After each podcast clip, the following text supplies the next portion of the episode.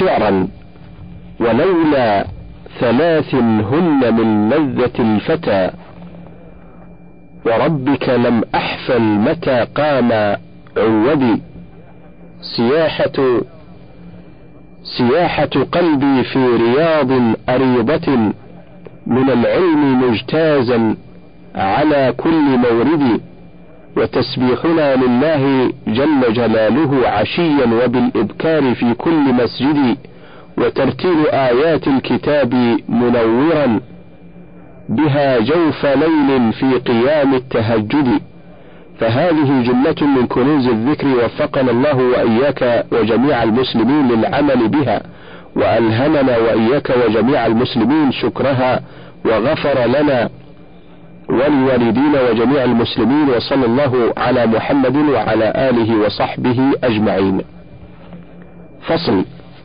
وعن أبي مالك الأشعري رضي الله عنه عن رسول الله صلى الله عليه وسلم قال يا أيها الناس اسمعوا وعقلوا واعلموا أن الله عز وجل واعلموا أن لله عز وجل عبادا ليسوا بأنبياء ولا شهداء يغبطهم النبيون والشهداء على منازلهم وقربهم من الله فجثى رجل من الأعراب من قاصية الناس وألوى بيده إلى النبي صلى الله عليه وسلم فقال يا رسول الله ناس من الناس ليسوا بأنبياء ولا شهداء يغبطهم الأنبياء والشهداء على مجالسهم وقربهم من الله انعتهم لنا. جنهم لنا يعني صفهم لنا فسر وجه النبي صلى الله عليه وسلم بسؤال الأعرابي فقال رسول الله صلى الله عليه وسلم هم ناس من أفناء الناس ونوازع القبائل لم تصل بينهم أرحام متقاربة تحابوا في الله وتصافوا يضع الله لهم يوم القيامة منابر من نور فيجلسون عليها فيجعل وجوههم نورا وثيابهم نورا. يفزع الناس يوم القيامة ولا يفزعون وهم أولياء الله لا خوف عليهم ولا هم يحزنون. رواه أحمد وأبو يعلى بإسناد حسن والحاكم وقال صحيح الإسناد. وعن أبي هريرة رضي الله عنه عن النبي صلى الله عليه وسلم قال إن في الجنة لعمدا من ياقوت عليها غرف من زبرجد لها أبواب مفتحة تضيء كما يضيء الكوكب الدري. قال قلنا يا رسول الله من يسكرها قال المتحابون في الله والمتبادلون في الله والمتلاقون في الله. رواه البزار. وعن بريدة رضي الله عنه عن النبي صلى الله عليه وسلم قال إن في الجنة غرفا ترى ظواهرها من بواطنها وبواطنها من ظواهرها. أعدها الله للمتحابين فيه والمتزاورين فيه والمتبادلين فيه. رواه الطبراني في الأوسط. وعن أنس رضي الله عنه أن رجلا سأل رسول الله صلى الله عليه وسلم متى الساعة؟ قال وما أعددت لها؟ قال لا شيء إلا أني أحب الله ورسوله. قال أنت مع من أحببت؟ قال أنس فما فرحنا بشيء فرحنا بقول النبي صلى الله عليه وسلم أنت مع من أحببت؟ قال أنس فأنا أحب النبي صلى الله عليه وسلم وأبا بكر وعمر وأرجو أن أكون معهم بحبي إياهم. رواه مسلم. ففي هذا الحديث بشارة عظيمة سارة لمن أحب الله ورسوله وأصحابه. ومن اتبعهم واقتدى بهم. ولهذا فرح أصحاب رسول الله صلى الله عليه وسلم بهذا النبأ الحسن واغتبطوا له اغتباطا فائقا. وإنما سروا به وفرحوا لأنهم كانوا يقيسون أنفسهم على شخص النبي صلى الله عليه وسلم في العبادة. وكان صلى الله عليه وسلم يأمر بالقصد فيها والرفق بأنفسهم. ففي حديث البخاري عن عائشة رضي الله عنها قالت كان رسول الله صلى الله عليه وسلم إذا أمرهم أمرهم من الأعمال ما يطيقون. ويقولون إنا لسنا مثلك يا رسول الله. إن الله قد غفر لك ما تقدم من ذنبك وما تأخر فيغضب حتى يعرف في وجهه. ثم يقول أنا والله إني لأخشاكم لله وأتقاكم له وكأنهم يقولون أنت مغفور لك فلا تحتاج إلى كثرة أعمال. بخلافنا فرد عليهم صلى الله عليه وسلم بقوله أنا أولاكم بذلك لأني أتقاكم وأعلمكم بالله. ومن كان كذلك يكثر أعماله أو تكثر أعماله وتعظم عبادته لشدة خوفه من ربه وتمام معرفته بما يليق بجلال الله وعظمته. ولأن نعم الله عليه أكثر من غيره. قال الله تعالى وكان فضل الله عليك عظيما.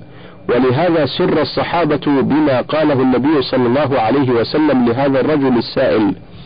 وقالوا فما فرحنا بشيء فرحنا بقول النبي صلى الله عليه وسلم أنت مع من أحببت لما وفقك الله له من حسن النية والقصد من غير إجهاد في العمل وزيادة في العبادة. والحق أنه لا يتم ولا يكمل إيمان الإنسان إلا بإثار النبي صلى الله عليه وسلم بالمحبة والتعظيم على سائر خلق الله. ففي الحديث أن رسول الله صلى الله عليه وسلم قال والذي نفسي بيده لا يؤمن أحدكم حتى أكون أحب إليه من والده وولده وفي رواية والناس أجمعين. ومن علامات محبته إيثار رضاه والعمل بشريعته ونصر سنته والتأسي به في شمائله وسيرته الكريمة المباركة.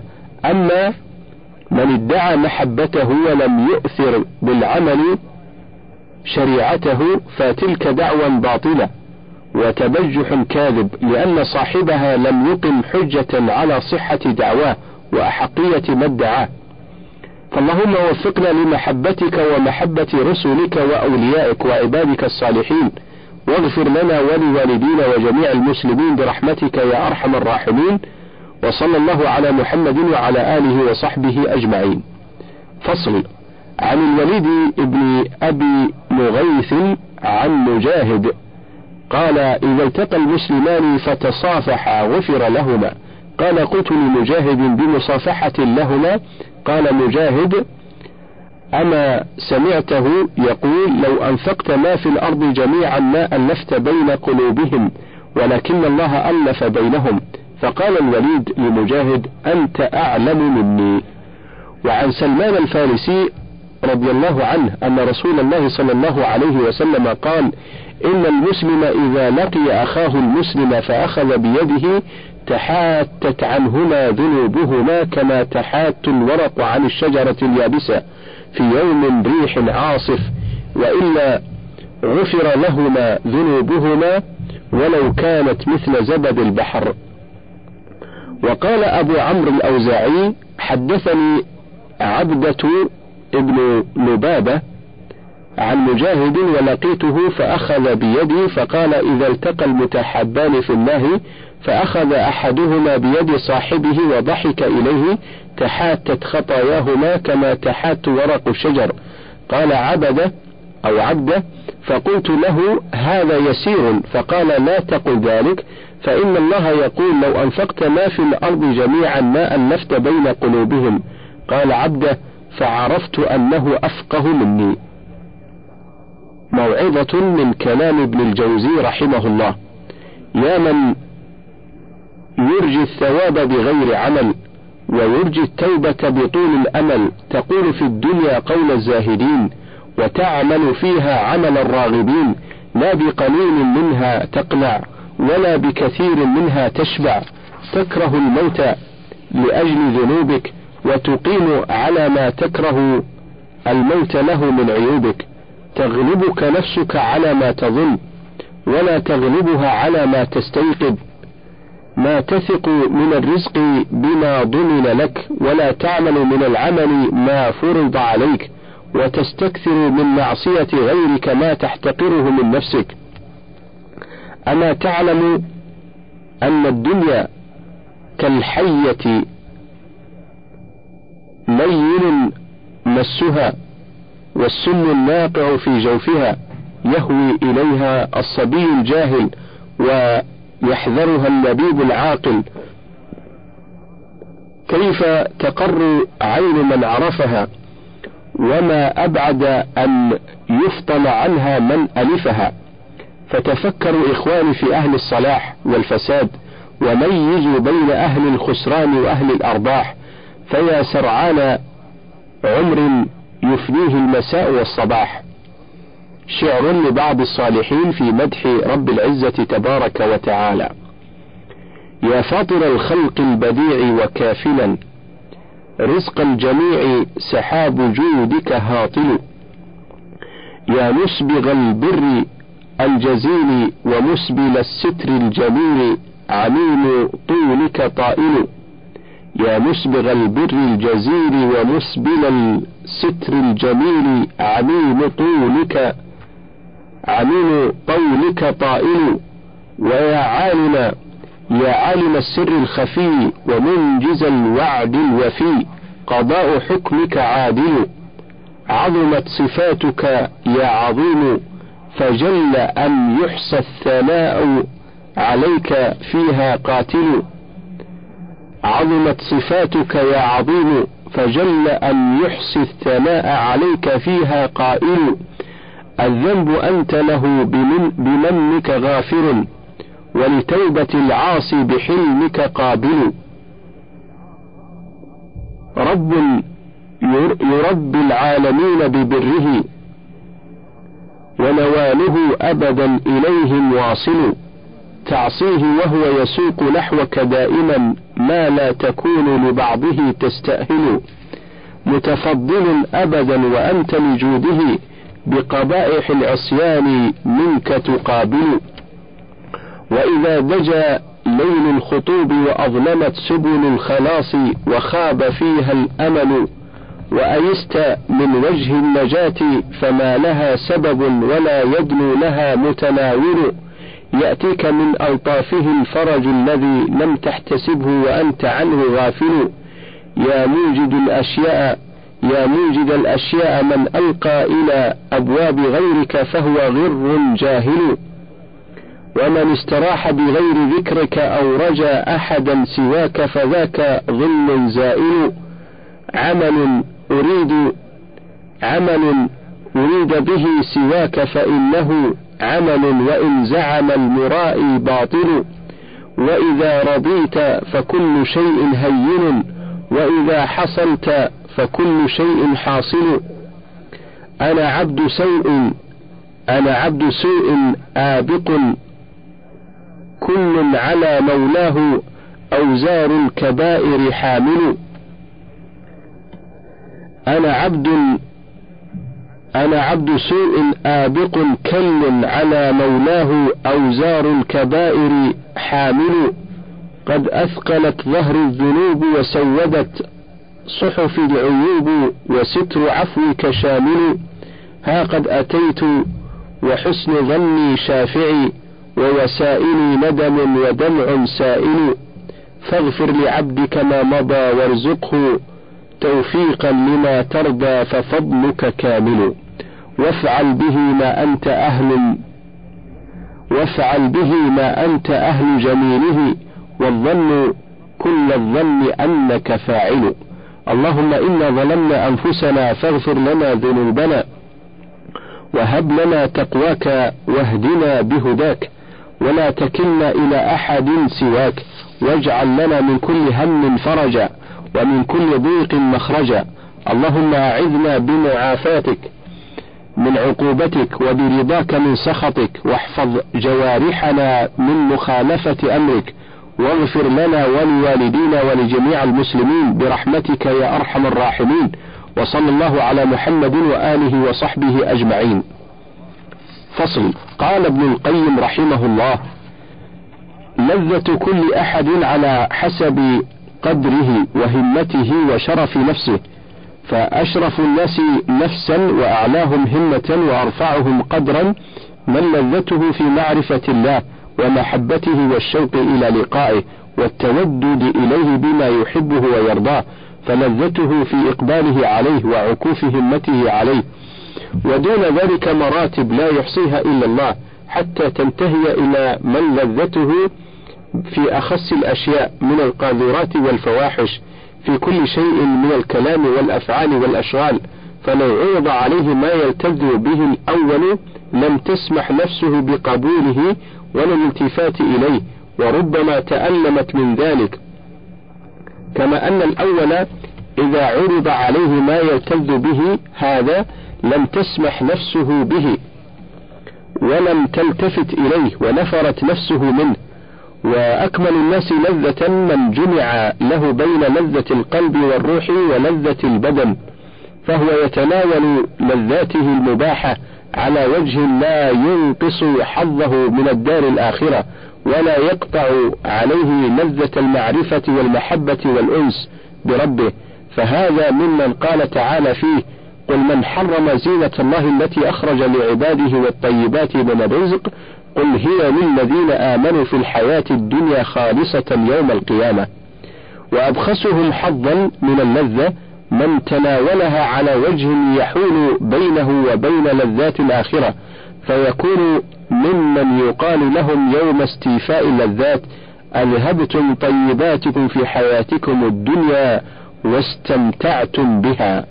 فهؤلاء تمتعوا بالطيبات وأولئك تمتعوا وافترقوا على وافترقوا في وجه التمتع فأولئك تمتعوا بها على وجه الذي أذن فيه فجمع لهم بين لذة الدنيا والآخرة. وهؤلاء تمتعوا بها على وجه على الوجه الذي دعاهم إليه الهوى والشهوة. وسواء أذن لهم فيه أم لم أم لا فانقطعت عنهم لذة الدنيا وفاتهم لذة الآخرة. فلا لذة الدنيا دامت ولا فلا لذة الدنيا دامت ولا لذة الآخرة حصلت لهم. فمن أحب اللذة ودوامها والعيش الطيب فليجعل لذة الدنيا موصلة إلى لذة الآخرة بأن يستعين على فراغ قلبه لله إرادته بأن يستعين على فراغ قلبه لله إرادته وعبادته فيتناولها بحكم الاستعانة والقوة على طلبه لا بحكم مجرد الشهوة والهوى.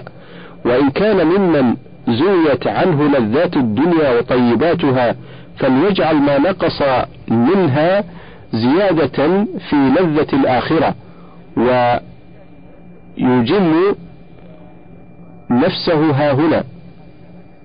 بالترك ليستوفيها كاملة هناك فطيبات الدنيا ولذاتها نعم العون لمن صح طلبه لله والدار الآخرة وكانت همته لما هناك وبئس القاطع لمن كانت هي مقصوده وهمته وحولها يدندن وفواتها من الدنيا وفواتها في الدنيا نعم العون لطالب الله والدار الآخرة وبئس القاطع النازع من الله والدار الآخرة.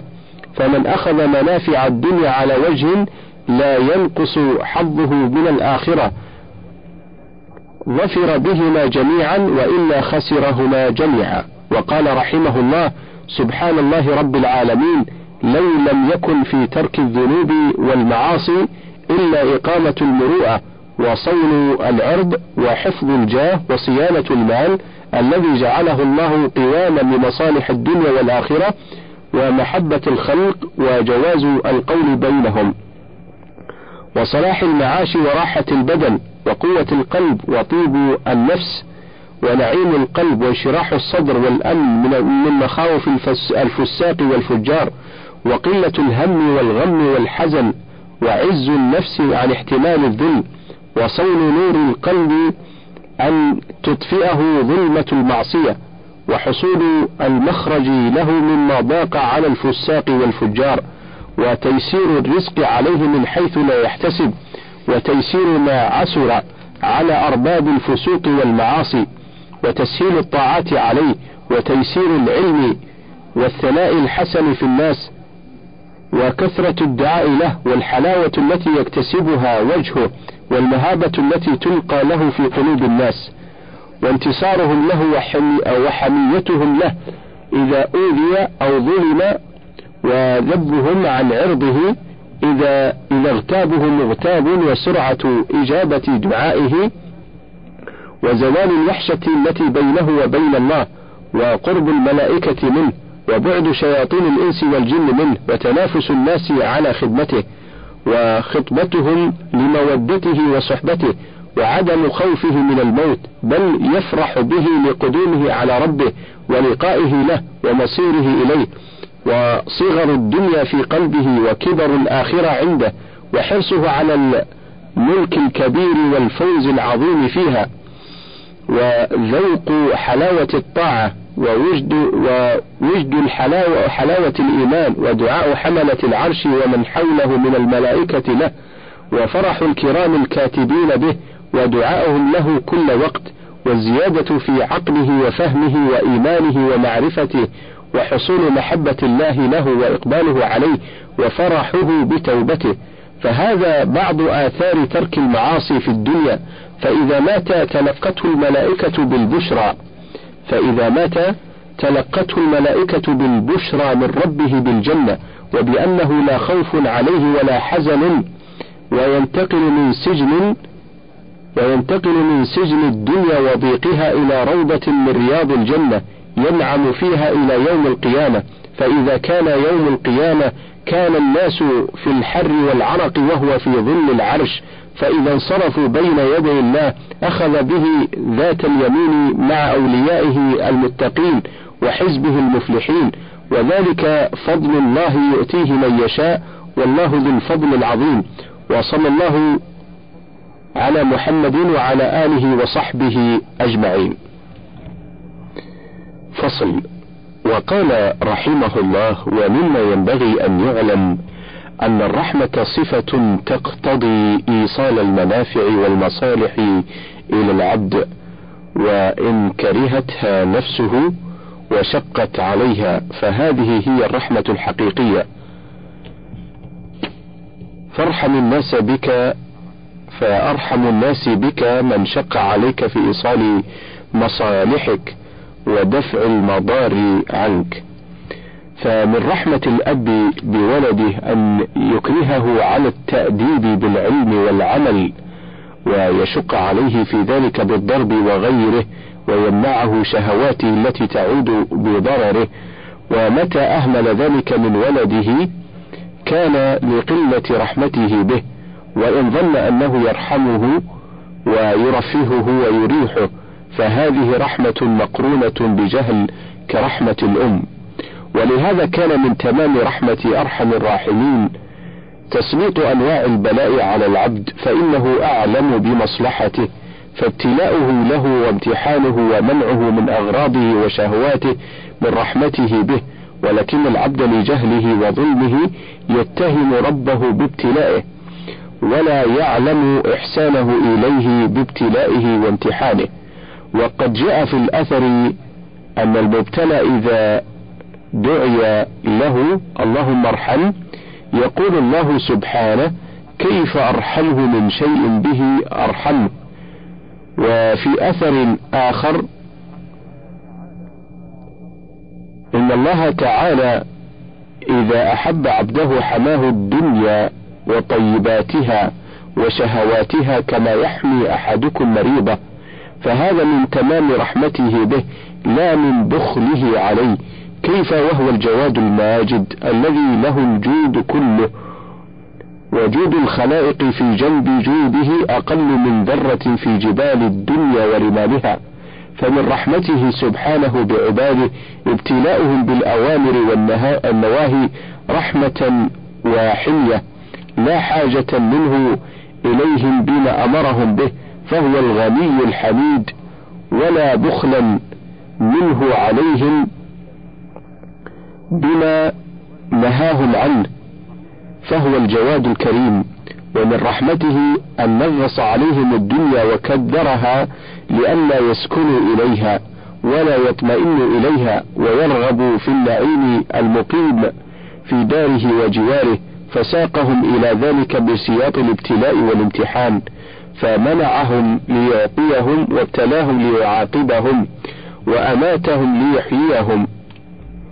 ومن رحمته بهم أن حذرهم نفسه لئلا يغتروا به فيعاملوه بما لا تحسن معاملته به كما قال تعالى ويحذركم الله نفسه والله رؤوف بالعباد قال غير واحد من السلف ومن رأفته بالعباد حذرهم من نفسه لئلا يغتروا به شعرا أتأمل في الدنيا تجد وتعمر وأنت غدا أتأمل في الدنيا تجد تجد وتعمر وأنت غدا فيها تموت وتقبر. تلقح آمالا وترجو نتاجها وعمرك مما قد ترجيه أقصر. تحوم على إدراك ما قد كفيته. تحوم على إدراك ما قد كفيته وتقبل في الآمال فيها وتدبر. وهذا صباح اليوم ينعاك ضوءه وليلته تنعاك إن كنت تشعر. ورزقك لا يعدوك إلا معجل على حالة يوما وإلا مؤخر. فلا تأمن الدنيا وإن هي أقبلت عليك فما زالت تخون وتغدر. فما تم فما تم فيها الصفو يوما لأهله ولا ولا الرنق إلا ريثما يتغير وما لاح نجم لا ولا ذر شارق على الخلق إلا حبل عمرك يقصر. تطهر تطهر, تطهر وألحق ذنبك اليوم توبة. لعلك منها إن تطهرت تطهر وشمر فقد أبدى لك الموت وجهه وليس ينال الفوز إلا المشمر فهذه الليالي مؤذناتك بالبلا تروح وأيام كذلك تبكر وأخلص لدين الله صدرا ونية. فإن الذي تخفيه يوما سيظهر. تذكر وفكر بالذي أنت صائر إليه غدا إن كنت ممن يفكر. فلا بد يوما أن تصير لحفرة بأثنائها تطوى بأثنائها تطوى إلى يوم تنشر. اللهم اسألك اللهم اسلك بنا سبيل عبادك الأبرار. واجعلنا من عبادك المصطفين الأخيار وامن علينا بالعفو والعتق من النار واحفظنا من المعاصي فيما بقي من الأعمار واغفر لنا ولوالدينا ولجميع المسلمين الأحياء منهم والميتين برحمتك يا أرحم الراحمين وصلى الله على محمد وآله وصحبه أجمعين. فصل. اعلم وفقنا الله وإياك وجميع المسلمين لما يحبه الله ويرضاه أن الصبر من أجل صفات النفس وأعلاها قدرا وهي لغة وهي لغة حبس النفس عن الجزع أي منعها من الاستسلام للجزع كي لا يترتب عليه فعل ما لا ينبغي فعله. وبعبارة أخرى الصبر ثبات القوة المضادة المضادة للشهوة في مقاومتها. وأما شرعا فهو أعم من ذلك لأنه حبس النفس عن الجزع ومنعها عن محارم الله وإلزامها بأداء فرائض الله. يدل عليه ما روي عن ابن عباس رضي الله عنهما أنه قال الصبر في القرآن على ثلاثة أوجه صبر على أداء فرائض الله وصبر على وصبر عن محارم الله وصبر على المصيبة عند الصدمة الأولى. وقال ابن القيم الصبر حبس النفس عن التسخط بالمقدور وحبس وحبس اللسان عن الشكوى وحبس الجوارح عن المعصية. فمدار الصبر على هذه الأركان الثلاثة فإذا قام بها العبد كان ينبغي انقلبت المحنة في حقه منحة واستحالت البلية واستحالت البلية عطية. وصار المكروه محبوبا فإن الله سبحانه وتعالى لم يبتليه ليهلكه وإنما ابتلاه ليمتحن صبره وعبوديته.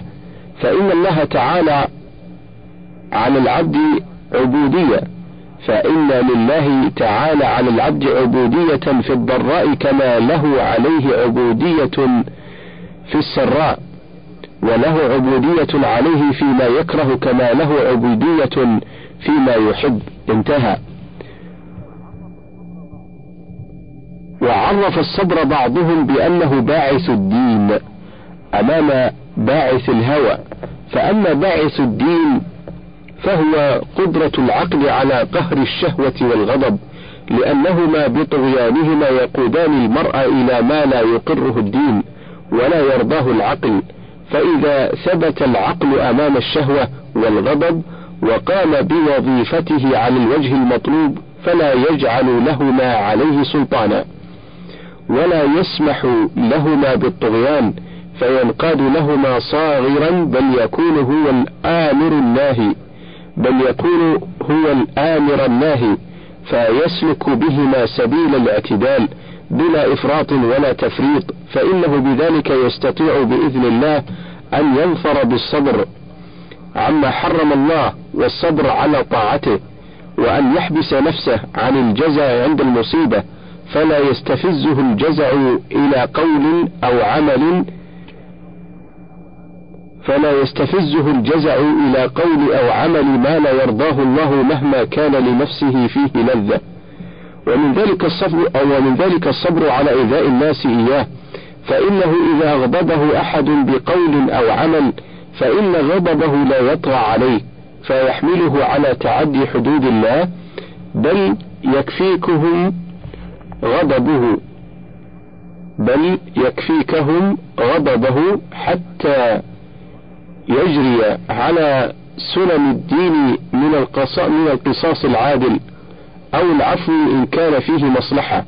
وقيل في تعريفه هو الثبات على الكتاب والسنة والتمشي مع إرشاداتهما لأن من ثبت عليهما فقد صبر على المصائب وعلى أداء العبادات وعلى اجتناب المحرمات ثم إن الصبر يسمى بأسماء مختلفة.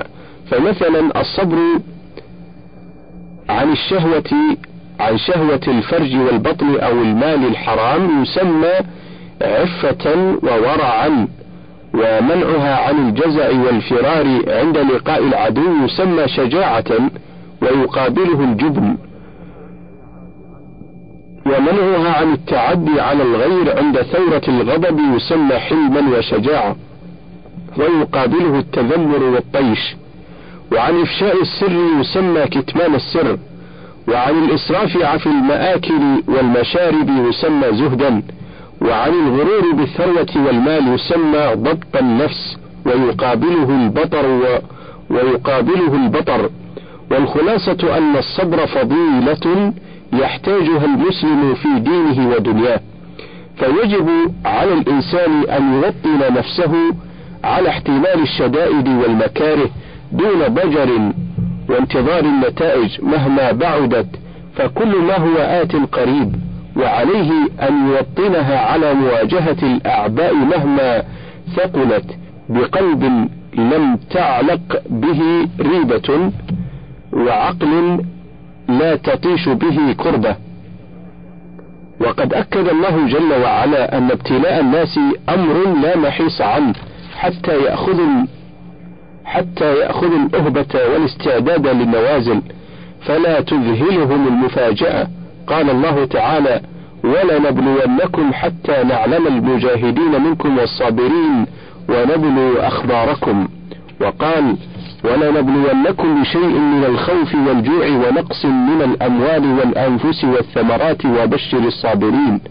وقال ونبلوكم بالشر والخير فتنة وإلينا ترجعون.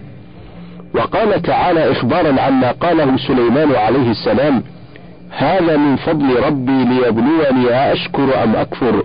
وقال تعالى ألف لام أحسب الناس أن يتركوا أن يقولوا آمنا وهم لا يفتنون ولقد فتنا الذين من قبلهم الآية. اصبر على مضض اصبر على مضض الإدلاج في السحر وفي الرواح إلى الطاعات والبكر. إني رأيت وفي الأيام تجربة للصبر عاقبة محمودة الأثر. إني رأيت وفي الأيام تجربة للصبر عاقبة محمودة الأثر. وقل من جد في أمر تطلبه. وقل من جد في أمر تطلبه واستصحب الصبر إلا فاز بالظفر. وقال آخر يقول لك الإثبات يقول لك الأثبات أهل التجارب. تصبر فعقب الصبر نيل المآرب ونص كتاب الله بالصبر آمر وقد وعد الصب وقد وعد الصبار حسن العواقب. ويقول آخر والصبر مثل اسمه مر مذاقته لكن عواقبه أحلى من العسل. ويقول الآخر بنى الله للأخيار بيتا سماؤه هموم وأحزان وج وج وجدرانه الضر. وأدخلهم فيه وأغلق بابه وقال لهم مفتاح بابكم الصبر. وقال آخر دبوا إلى المجد والساعون قد بلغوا جهد النفوس وشدوا نحوه الأزرا. وساوروا المجد حتى مل أكثرهم. وعانق المجد من وافى ومن صبر. لا تحسب المجد تمرا أنت آكله لن تبلغ المجد حتى تلعق الصبر والله أعلم وصلى الله على محمد وآله وصحبه وسلم. وقال آخر هو المجد من يطلبه يستعذب الصبر ويستسهل الأخطار والمركب الوعر ويرخص في إدراكه كل ما غلا وينفق في أدنى رغائبه العمر. وقال آخر بقدر الجد تكتسب المعالي ومن طلب العلا سهر الليالي تروم العز ثم تنام عنه يغوص البحر يغوص البحر من طلب اللآلئ وقال آخر إن الأمور إذا انسدت مسالكها فالصبر يفتح منها كل ما رتجا. لا تيأسن وإن طالت مطالبه إذا استعنت بصبر أن ترى فرجا. أخلق بالصبر أن يحظى بحاجته ومد من القرع ومد من القرع للأبواب أن يلجا اللهم أنظمنا اللهم انظمنا في سلك حزبك المفلحين واجعلنا من عبادك المخلصين وآمنا يوم الفزع الأكبر يوم الدين واحشرنا مع الذين أنعمت عليهم من النبيين والصديقين والشهداء والصالحين واغفر لنا ولوالدينا ولجميع المسلمين الأحياء منهم والميتين برحمتك يا أرحم الراحمين وصلى الله على محمد وعلى آله وصحبه أجمعين. فصل. وقال تعالى لتبلون لتبلون في أموالكم لتبلون في أموالكم وأنفسكم ولتسمعن من الذين أوتوا الكتاب من قبلكم ومن الذين أشركوا أذى كثيرا. وإن تصبروا وتتقوا فإن ذلك من عزم الأمور. وقال تعالى أم حسبتم أن تدخلوا الجنة ولما يأتيكم ولما يأتكم مثل الذين خلوا من قبلكم مستهم البأساء والضراء وزلزلوا حتى يقول الرسول والذين آمنوا معه متى نصر الله؟ ألا إن نصر الله قريب. فمن, فمن ابتلاه الله بنقص في ماله أو منعه شيئا من شهوات الدنيا ولذاتها الفانية وعجز عن تحصيله بالوسائل المشروعة أو قبض له نفسا أبا أو أخا أو أما أو ولدا أو نحو ذلك أو خاف من عدو فإنه لا دواء له إلا الصبر على ما أصابه. فإذا صدر المبت... فإذا صدر المبتلى وعمل بقول ربه عز وجل فقد هانت عليه البلوى وضاع أثرها فاستراح من عذابها في الدنيا وفاز بالآخرة بالجزاء الحسن فالفقير الذي لا يذهب بلبه متاع الحياة الدنيا فالفقير الذي لا يذهب بلبه متاع الحياة وزينتها ولا يحزنه مال يستطيع الوصول إليه ولا يحزنه ما لا يستطيع الوصول إليه من المتاع الفاني سائر على ضوء إرشادات القرآن الكريم مثل قوله تعالى ولا تمدن عينيك إلى ما متعنا به أزواجا منهم زهرة الحياة الدنيا لنفتن لنفتنهم فيه ورزق ربك خير وأبقى. وقوله تعالى قل متاع الدنيا قليل بل مطمئن قلبه إلى ما قدره الله له في هذه الحياة من تعب ونصب ويرضى بما قسم له فلا يسخط ولا يفعل محرما فإنه لا بد أن يجعل الله له من أمره فرجا في حياته الدنيا كما قال تعالى ومن يتق الله يجعل له مخرجا ويرزقه من حيث لا يحتسب من حيث لا يحتسب. وإذا اشتهت نفسه شيئا وعدها بالخير وصبرها ومشى أموره على قدر حاله ولا يكلف نفسه بالدين والقرض. قال الله تعالى إن مع العسر يسرا إن مع العسر يسرا. وقال بعضهم إذا رمت أن تستقرض المال منفقا على شهوات النفس في زمن العسر فسل نفسك الإنفاق من كنز صبرها عليك وأنصارا إلى زمن اليسر. فإن فعلت كنت الغني وإن أبت فكل منوع بعدها واسع العذر. وقال آخر أفادتني القناعة كل عز وأي غني أعز من القناعة وأي غنى أعز من القناعة فصيرها لنفسك رأس مال وصير بعدها التقوى بضاعة. تحزر بحين تغنى عن بخيل. وتنعم بالجنان بصبر ساعة. وقال آخر عزيز النفس من رزق القناعة ولم يكشف لمخلوق قناعة وقد علموا بأني حين شدوا عرى الأطماع فارقت الجماعة. إذا ما فاقة قرنت بعز وكانت في التبذل لي ضراعة نفضت يدي عن طمعي وحرصي وقلت لفاقتي سمعا وطاعة.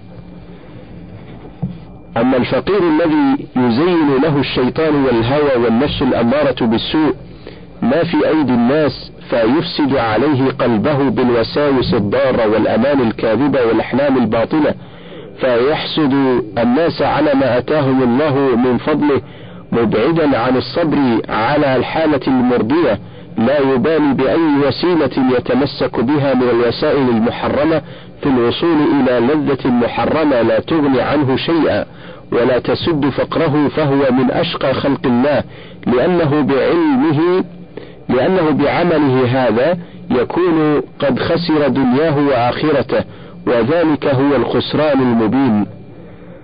وكذلك الغني يحتاج إلى الصبر على غناه لأنه مكلف بحقوق وواجبات لا يسهل على النفس فعلها من زكاة مال من زكاة مال وإنفاق على من يمونه وإغاثة ملهوف إلى آخره. من فضلك تابع بقية المادة.